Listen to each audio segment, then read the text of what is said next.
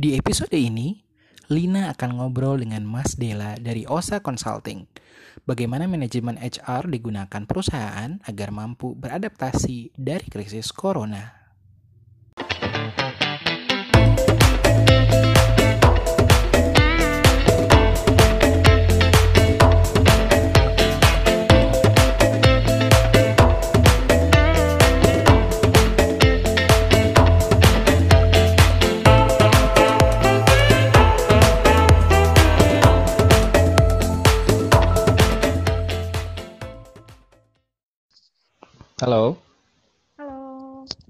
Hai, Mbak Lina.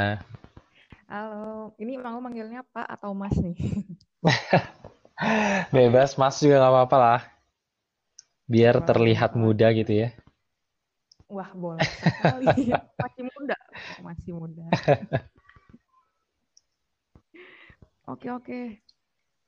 Jadi Mas Dela, apa Yes. kabar Mas Dela? Baik, baik, alhamdulillah. Suara ini ini ya? Kedengeran kan?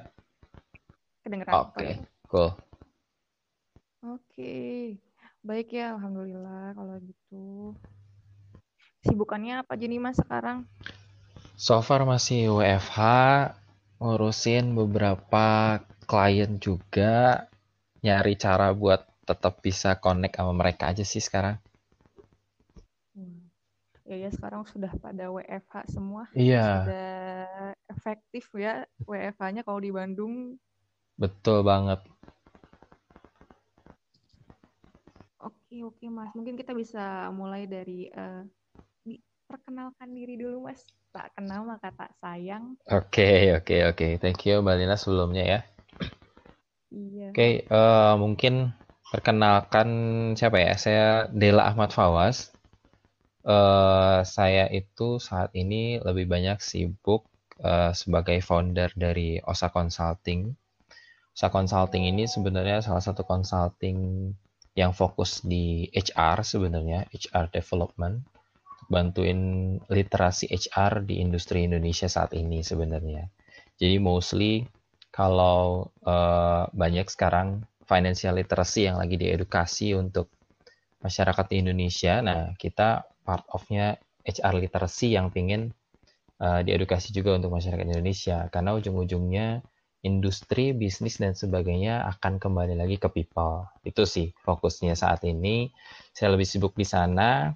Kemudian kalau bicara tentang background, memang sebelumnya saya di eh, HR ya, sebagai HR practice, eh, practitioner kurang lebih 9 tahunan gitu. Dan eh, mostly sebenarnya saya terjebak juga di HR kalau dulu karena dulu sebenarnya dulu saya kalau ditanya Kalau ditanya lulusan itu saya lulusannya manajemen dan manajemennya bukan manajemen HR tapi manajemen operation dulu.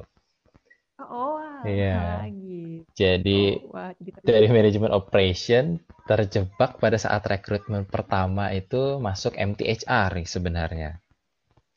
Oh, Jadi di- gitu. ditawarin oleh recruiters, saya daftar sebenarnya supply chain ya dulu. Cuma menarik ini mungkin cerita sedikit ya. Jadi kalau dulu tuh saya daftar supply chain, kemudian saya ditanya sama recruitersnya, oh kamu daftar supply chain ya? Iya. Eh, daftar PPIC juga? Iya. Oh iya. Kamu manufacturing? Oh iya, karena saya manajemen operation saya bilang. Tapi kamu lebih Hmm. suka kerja di pabrik, di office? Hmm, saya su- suka kerja di office saya bilang kayak gitu. Karena pabrik kan kayak saya bayangnya panas apa dan sebagainya. Oh gitu ya. Akhirnya sama recruiters itu, ini kita lagi buka lowongan MTHR. Kayaknya kamu dari sisi pengalaman lebih banyak ke sana, gitu. organisasi. Jadi organisasi. Jadi ya udah, ternyata saya ya udah, agree ternyata saya dan that's the first time saya kerja first time sampai saya 9 kerja tahun di HR. Sampai 9 tahun di HR. Wah, terjebaknya lama juga ya, Iya, terjebaknya Jadi lama juga. Terjebaknya lama Jadi juga. terjebak tapi akhirnya Terjebak, tapi memang akhirnya eh, memang, blessing eh, banget sih. Blessing banget sih. Benar, benar. 9 tahun dan bisa jadi usaha konsultan sekarang berarti memang benar-benar ya mungkin jalannya udah begitu. Iya, memang nggak ada yang, yang nggak ada yang kebetulan semuanya memang. Nah, benar banget nih. Nah, ya kalau aku buat tanya-tanya nih untuk OSA konsultan sekarang sendiri, apakah sudah menerapkan full WFH semua nih, Mas? Iya, kalau kita eh, saat ini kita udah minggu ke empat rasanya kita WFH sebenarnya. Hmm, Gitu. Jadi gitu. kita memang sudah full WFH untuk OSA konsultan ini eh, selama empat minggu ya. Teman-teman juga udah mulai bosan gitu kita zoom-zooman. Akhirnya kadang kita kalau eh, apa namanya video call gitu suka iya nggak ada yang project terlalu signifikan juga kita video callan juga. Ya karena mungkin biasa bertemu kan sehari-hari Betul, gitu betul, betul. atau project.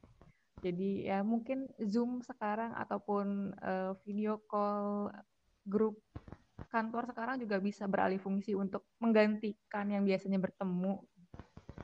Iya, betul banget sih gitu. Memang untuk beberapa orang masih harus menyesuaikan ya dengan teknologi itu, tapi ya akhirnya ya ya waktunya untuk penyesuaian juga sih. Bener, jadi terbiasa sendiri sih ya Mas ya dengan teknologinya. Betul, betul. Nah, iya aku boleh tanya-tanya nih kalau karena kebetulan kan nih eh, eh, Mas Dela dan tim itu eh, bergerak di bidang HR untuk di pandemi sekarang ini, Mas. Kan mhm. udah lumayan nih dengan banyaknya berita-berita untuk pengaturan karyawan ataupun itu udah ya kita tidak bisa mengkiri bahwa ada bisnis-bisnis yang pendapatannya harus terkat Betul, betul. dan jadi beban gitu kan ya untuk perusahaan itu untuk menggaji karyawannya. Kalau dari sisi HR sendiri nih Mas, kira-kira apa sih yang bisa dilakukan oleh sebuah perusahaan untuk mengatur jalannya perusahaan di tengah pandemi ini? Iya, basically kalau bicara tentang pandemi ini tuh eh, semua orang bener-bener kayaknya harus lebih prepare gitu ya. Mungkin ada yang panik apa, tapi memang eh, semua kena dampaknya gitu. Eh, industri paling besar, perusahaan besar, UMKM sampai startup. Nah, kita dari sisi HR sebenarnya ngelihatnya kita nggak bisa satu sisi sebenarnya, hanya HR aja yang dilihat. HR yang baik sebenarnya bisa melihat dari sisi bisnisnya itu sendiri, dari sisi keseluruhan organisasi. Nah, kalau ngomongin tipsnya HR kira-kira gimana ya? Kita pahamin sebenarnya yang pertama secara bisnis semua yang kita lihat dari sisi pandemik ini yang menjadi menarik adalah cash itu menjadi hal yang penting. Artinya uang cash bagi sebuah perusahaan atau organisasi itu menjadi hal yang penting karena dengan cashless semua bisa berjalan. Kondisinya kita tahu sekarang pandemi ini impact ke investasi saham dan sebagainya lagi pada drop semuanya. Makanya cash jadi penting dan kita dari sisi HR adalah bisa memahami bagaimana cash itu akhirnya apakah terdistribute dengan baik untuk eh, katakanlah karyawan-karyawan atau people di kita atau seperti apa.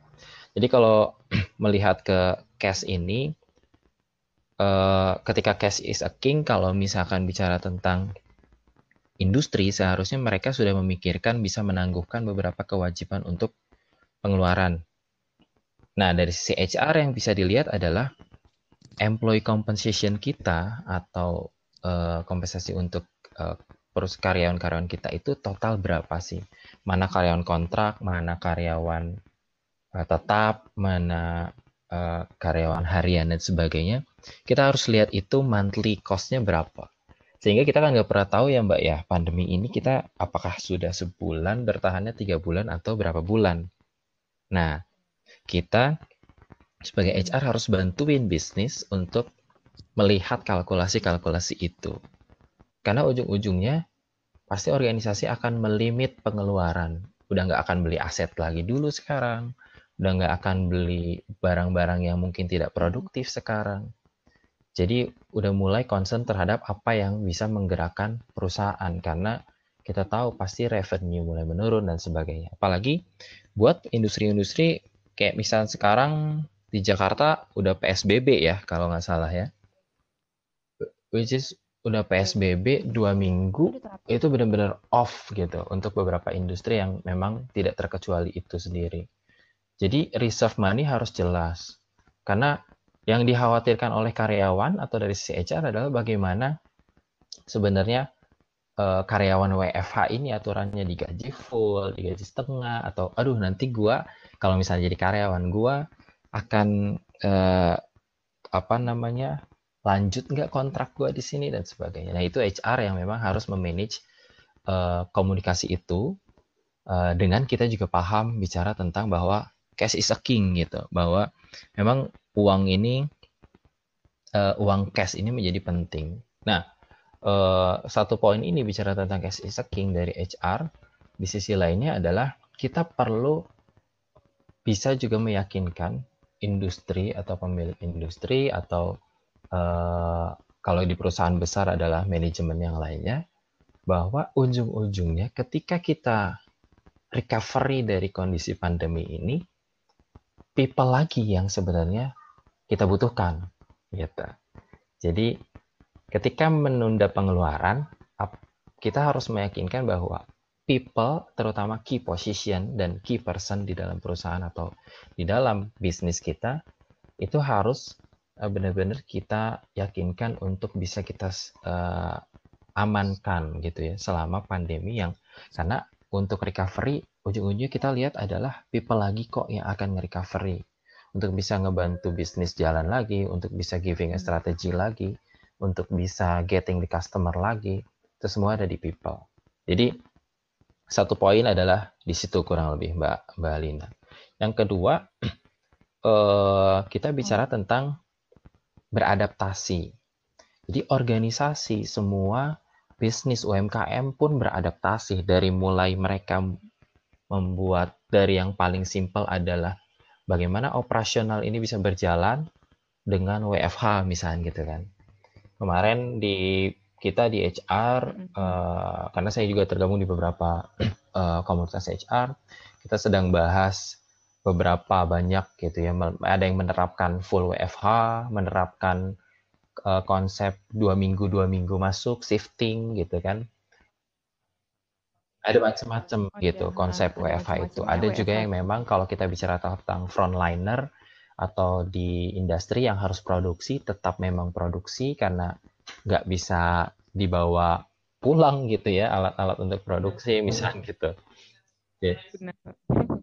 Bener. Betul gitu. Jadi memang HR juga, juga perlu punya uh, mapping dan bisa memberikan informasi yang signifikan buat pemilik bisnis, buat organisasi, atau bahkan kalau di sana juga nggak ada HR-nya adalah ownernya sendiri berpikir mana mapping yang kita bisa lakukan untuk WFH dan sebagainya. Karena kita nggak bisa menduplikasi satu industri dengan industri lain gitu, satu bisnis dengan bisnis lain. Kita harus punya customize dengan bisnis kita sendiri. Tapi yang pasti adaptasi itu bisa dilakukan dengan hal-hal perubahan WFA dan sebagainya. Lalu adaptasi lain misalkan bahkan e, dari sisi bisnis model gitu atau dari sisi e, produk gitu kan. Nah, adaptasi ini juga e, bisa dilakukan misalkan bahwasanya ada misalkan UMKM industri fashion gitu mereka industri fashion yang asalnya jualan fashion, mereka punya ketika pandemi ini, wah fashion menurun pendapatannya. Lalu kita bicara tentang kita masih punya bahan baku banyak gitu kan. Mau diapain nih? Ujung-ujungnya apa? Ujung-ujungnya bikin masker ya Mbak Lina. Iya, sekarang udah pada beralih semua yang fashionnya beberapa betul sekali jadi produksi masker sekarang iya kan, jadi memang itu gitu. alah adalah adaptasi-adaptasi yang bisa dilakukan nah HR sendiri juga perlu paham ke arah bisnis itu sehingga mereka bisa tahu gitu HR sendiri bisa tahu mana yang memang bisa dimaksimalkan uh, untuk melakukan sebuah produktivitas mana yang memang uh, uh, tidak bisa kita maksimalkan untuk produktivitas ini dari sisi uh, apa namanya posisi dan orang-orang yang uh, terlibat di dalamnya.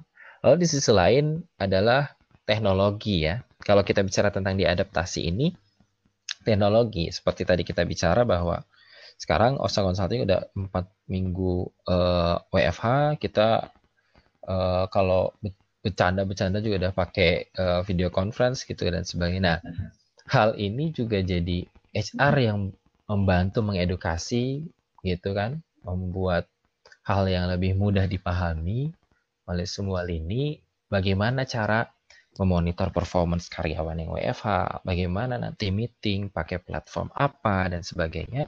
Ini HR juga sebenarnya yang ikut serta di dalamnya. Walaupun di dalamnya pasti terkait dengan uh, tim IT, kalau misal memang di perusahaan tersebut ada IT itu sendiri gitu. Jadi hal-hal ini yang bisa dilakukan uh, di poin kedua dari HR untuk membantu beradaptasinya atau membantu organisasi beradaptasi kurang lebih seperti itu.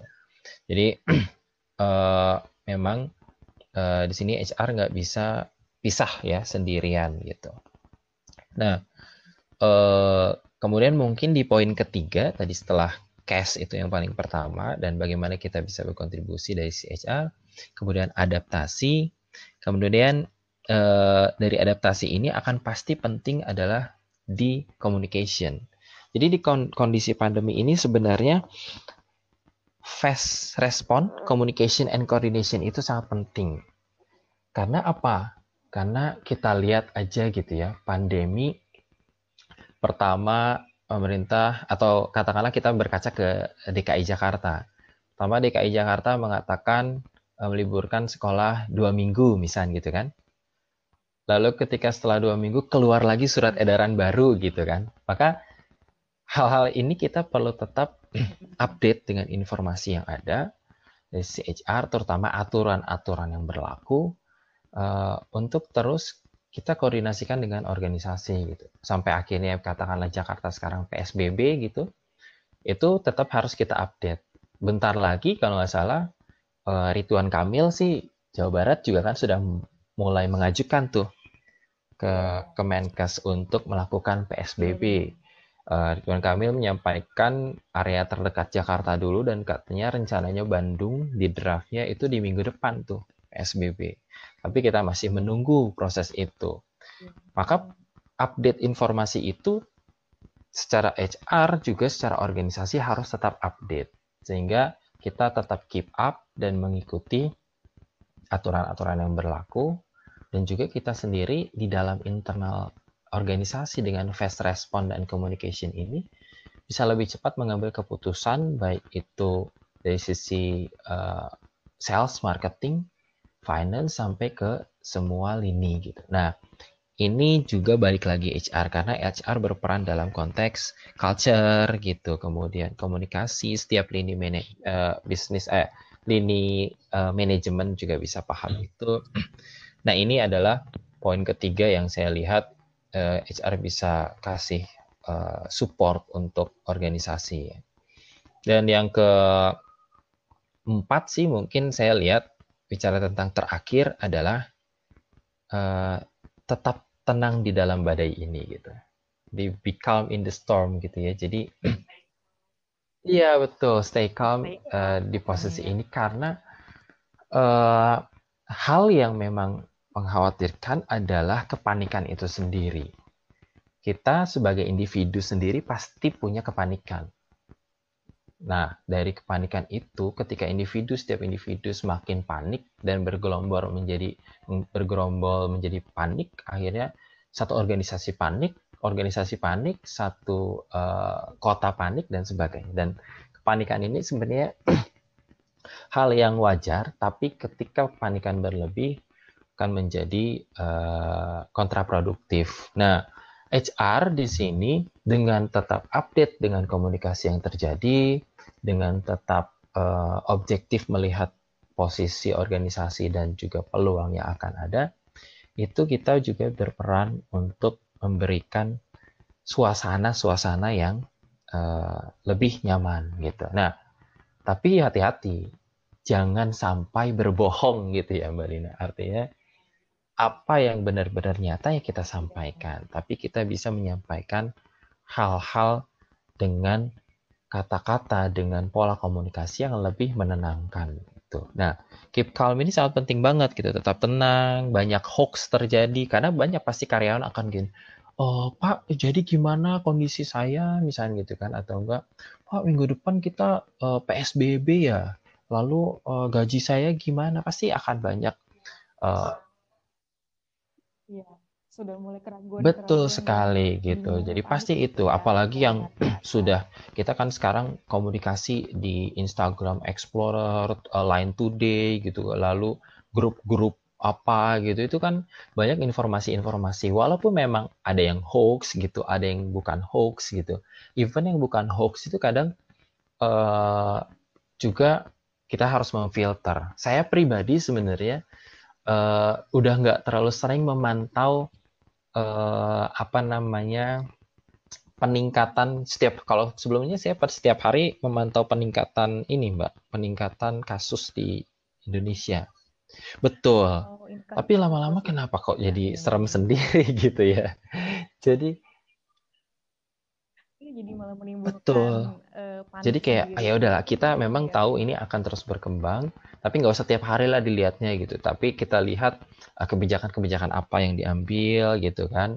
Lalu kita harus melakukan apa. Nah akhirnya saya mencoba memfilter itu. Kadang kan karyawan sekarang kayak kita lihat gelombang di uh, eh, US katakanlah sudah ada gelombang uh, apa namanya hmm, merumahkan karyawan yang cukup banyak gitu nah, di Indonesia mulai orang-orang ketika melihat informasi itu wah di Indonesia kayak gimana nih? Gitu. Kemudian ada ngomong di uh, Hong Kong terjadi second wave gitu kan. Udah udah udah selesai ternyata ada lagi. Wah Indonesia iya, gimana nih? Nah jadi memang kita tetap harus calm gitu dari sisi HR uh, mencoba memediasi semua yang terjadi. Dan ya memang uh, di situlah peran penting HR gitu ya di setelah tadi saya bicara poin pertama adalah bicara tentang cash kemudian kedua bagaimana beradaptasi kemudian yang ketiga adalah komunikasi yang cepat dan coordination terakhir ini juga adalah menjadi kunci yang paling penting secara uh, menyeluruh gitu bahwa kita melakukan semuanya harus tetap calm gitu. Nah, ini sih basicnya mungkin dari sisi uh, eh, HR yang uh, mungkin bisa berkontribusi di dalam menyikapi kondisi pandemi ini sih. Kurang lebih itu sih Balina so far. Ya berarti uh, memang benar ya kalau kata beberapa orang HR itu sebenarnya adalah perpanjangan tangan antara karyawan dan si perusahaan itu sendiri. Jadi emang bener banget tuh kata Mas Bella tadi untuk stay calm karena kalau HR-nya juga udah stay, stay calm dan bisa memberikan informasi yang jelas tapi juga tidak menakutkan gitu kan karyawan juga pasti akan jadi ikut Iya, betul betul banget. Karena stay calm ini yang paling penting juga bukan berarti uh, acuh gitu ya Mbak Lina ya. Jadi ditanyain HR gimana? Ah tenang aja gitu kan.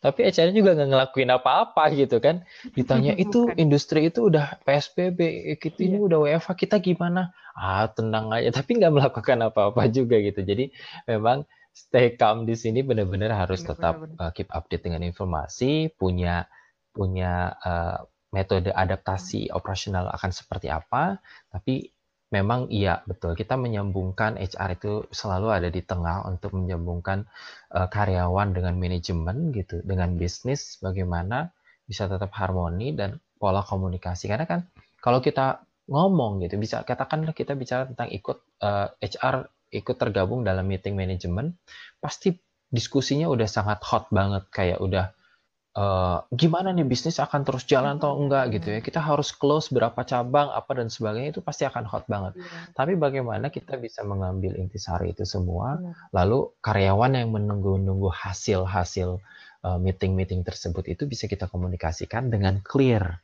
dengan uh, tetap tenang gitu kurang lebih seperti itu.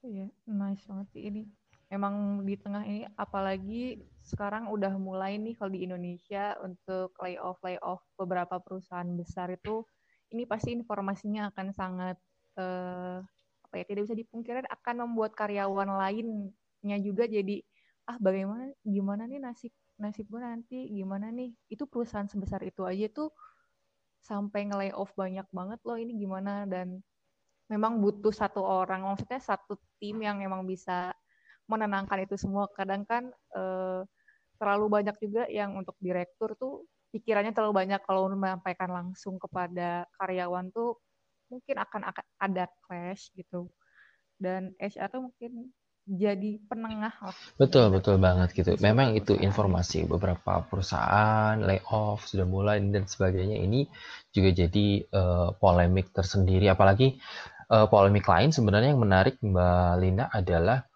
bentar lagi ini kan Ramadan. Lalu bentar lagi kita Lebaran. Nah, itu benar. Nah, paling simpel itu bagi karyawan adalah ini THR kita gimana ya gitu. Karena Iya kan, Kak? Iya. Udah banyak banget udah, gitu yang bacain itu. Yang membicarakan itu, aduh udah pada iya kayak orang karyawan-karyawannya juga pada ya udah nggak aku udah nggak apa-apa yang penting gajinya masih gitu. Semua udah kayak pada pasrah melihat kondisi yang kayak ini. Benar-benar kan berarti Maret, April itu uh, yang mhm. cukup tidak produktif gitulah untuk perusahaan karena penurunan itu penurunan penjualannya cukup tinggi Betul apalagi sekali nanti gitu. Biasanya bagi beberapa gitu industri kan. puasa itu kita getting uh, high revenue sebenarnya kan gitu karena ada seasonal gitu. Tapi dengan kondisi ini perusahaan tadi balik lagi ke cash is a king adalah perusahaan harus benar-benar uh, menghitung gitu. Ketika menghitung dengan tanpa eh, dengan penurunan penjualan yang ada maka reserve money yang kita masih ada berapa. Nah, HR harus jeli untuk melihat reserve money itu kemudian distribusinya akan seperti apa gitu kan. Nah, eh, ketika HR di tengah-tengah untuk tetap stay calm, kekuatan HR itu nggak bisa berdiri sendiri. Saran saya juga sebenarnya tipsnya untuk uh, HR kalau kita bicara tentang HR gitu ya atau buat semua juga misalnya katakanlah business owner pastikan semua lini uh, manajerial atau semua lini pemimpin di level atas atau tengah itu punya persepsi yang sama sebenarnya. Karena apa? Kalau HR pun hanya berjuang sendiri atau ownernya hanya berjuang sendiri untuk mengkomunikasikan ini dan ada aja satu nada sumbang dari salah satu lini uh, pimpinan kita di lini tertentu itu akan ah masa sih pak? Itu kata uh, unit sebelah misalnya gitu kan. Nggak usah jauh-jauh gitu. Jadi memang kita harus iya. uh, apa namanya memanage komunikasi itu dan memastikan semua ini punya persepsi yang sama sehingga untuk level organisasi di karyawan level tertentu mereka punya uh, informasi dan decision yang jelas kebijakannya gitu, nggak simpang siur. Itu sangat sering terjadi ketika posisi-posisi chaos gitu. Makanya pola komunikasi tadi dari si HR untuk menjaga itu karena setiap manajer harus setuju juga gitu kan. Setiap manajer harus mampu menyampaikannya. Kalau manajer nggak mampu menyampaikannya, jangan aneh-aneh ngomong, bilang aja Oke, itu kebijakannya nanti HR yang keluarin. Oke, itu coba uh, cek aja platform intranetnya, misalnya kayak gitu gitu. Jadi memang harus dilokalisir juga gitu untuk pola komunikasinya saat ini sih. Jadi untuk informasinya nggak jadi hanya keluar dari satu informan yang terpercaya gitu ya. Betul, Jadi betul. Gitu. Udah ditambah hoax, hoax dari global, hoax misalnya dari uh, negara gitu. Terus nanti di hmm. internal organisasi ada hoax-hoax juga gitu kan.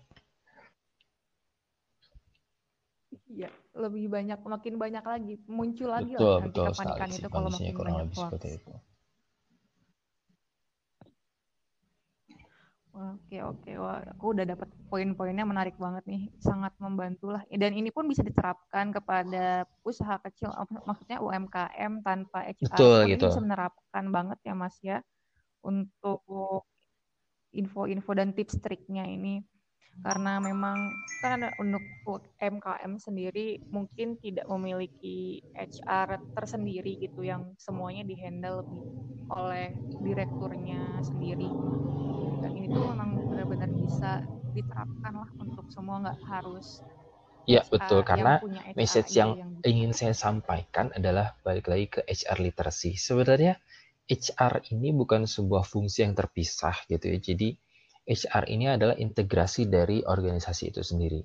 Ketika sebuah organisasi belum punya yang namanya unit HR, pasti sebenarnya secara tidak sadar setiap individu di dalamnya atau pemimpin di dalamnya juga melakukan tugas-tugas HR gitu.